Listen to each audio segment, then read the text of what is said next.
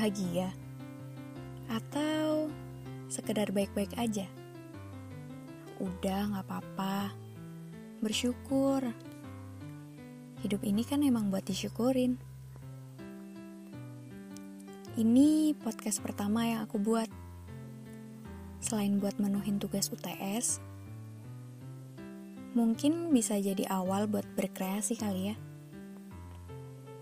Eh iya, selain kabar kamu, gimana kabar orang tuamu? Ayah? Ibu? Atau kamu manggil dengan sebutan yang lain? Seperti papa dan mama. Gelia, papa, mama, atau ayah, bunda sama kayak panggilan orang pacaran yang masih bucin-bucinnya. Jengkel gak sih? Geli gimana gitu? Sama gak kayak jengkel waktu digodain ayahmu waktu kamu lagi belajar di meja belajar? Padahal nih ya, ayahmu cuma sekedar nengok kamu deket pintu atau cuma ngeliat-ngeliat hal apa yang lagi kamu kerjain di kamar? Kamu mesti bilang, Ayah ngapain sih? Aku lagi ngerjain tugas, udah sana. Dengan nada manja, kamu minta ayahmu buat pergi, karena entah kenapa kamu ngerasa malu-malu. Waktu SMA, atau di masa kamu lagi asik-asiknya buat main sama teman-temanmu, kamu mesti ngerasa biasa aja. Bisa dibilang, kamu baru tersadar buat bersyukur kamu masih punya sosok itu saat dengar kabar ayah temanmu gak ada. Tapi itu cuma sekilas. Di pikiranmu mesti ah ayahku masih ada kok. Masih sehat. Masih kuat. Masih bisa kerja. Udah deh, setelah itu hilang gitu aja. Semakin kamu bertambah umur, makin ke sini, makin lama, dan makin sering kamu lihat-lihat tulisan teman, lihat-lihat foto yang mereka upload, dengerin mereka cerita, kamu jadi makin bersyukur lebih dan lebih karena sosok itu masih ada buat kamu sekarang. Entah itu yang ada di rumah atau LDRan karena pekerjaan. Jadi cuma bisa telepon deh. Tapi kamu beruntung masih punya sosok itu. Masih ada yang ngejalin kamu. Masih ada yang bisa nemenin kamu beli takjil waktu buka puasa di Ramadan. Sekedar nganterin kamu ke gereja karena kamu tugas. Terus ayahmu ngeliatin deh waktu kamu tugas. Bener apa enggak? Dan di hari raya bisa foto full sama keluarga inti. Nikmatin aja masa itu. Karena waktu gak bakalan bisa kamu minta balik seberapapun air mata kamu menetes. Atau malah kamu mau membelinya dengan jumlah uang yang berlembar-lembar nggak peduli seberapa kali lipat itu. Tapi waktu itu berperan ganda ya. Waktu bahagia, kamu sebut itu baik.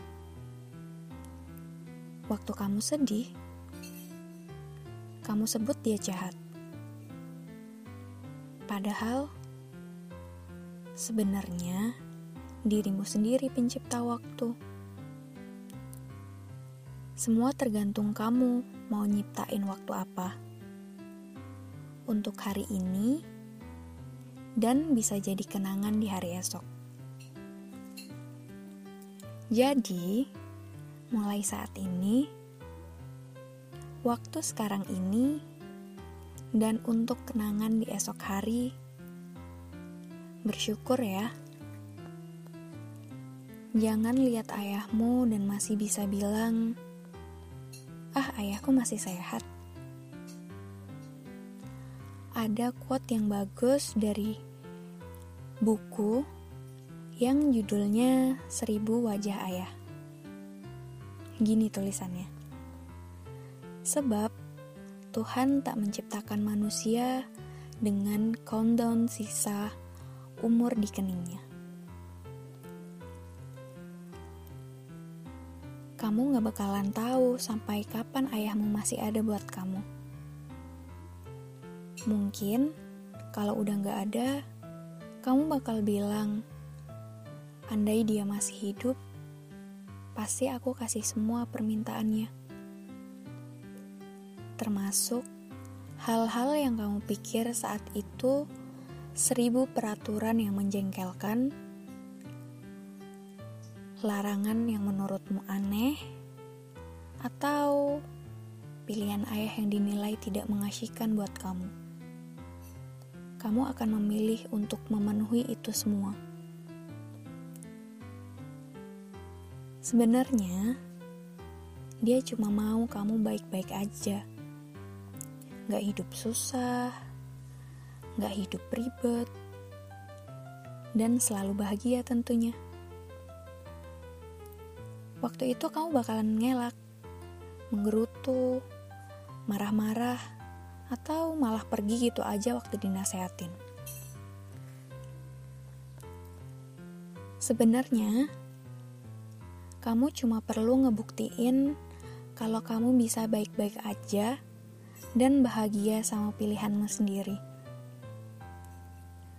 Mungkin hari itu ayahmu sedih sama pilihanmu tapi, seiring dengan berjalannya waktu, pasti ayahmu juga ikut seneng kok.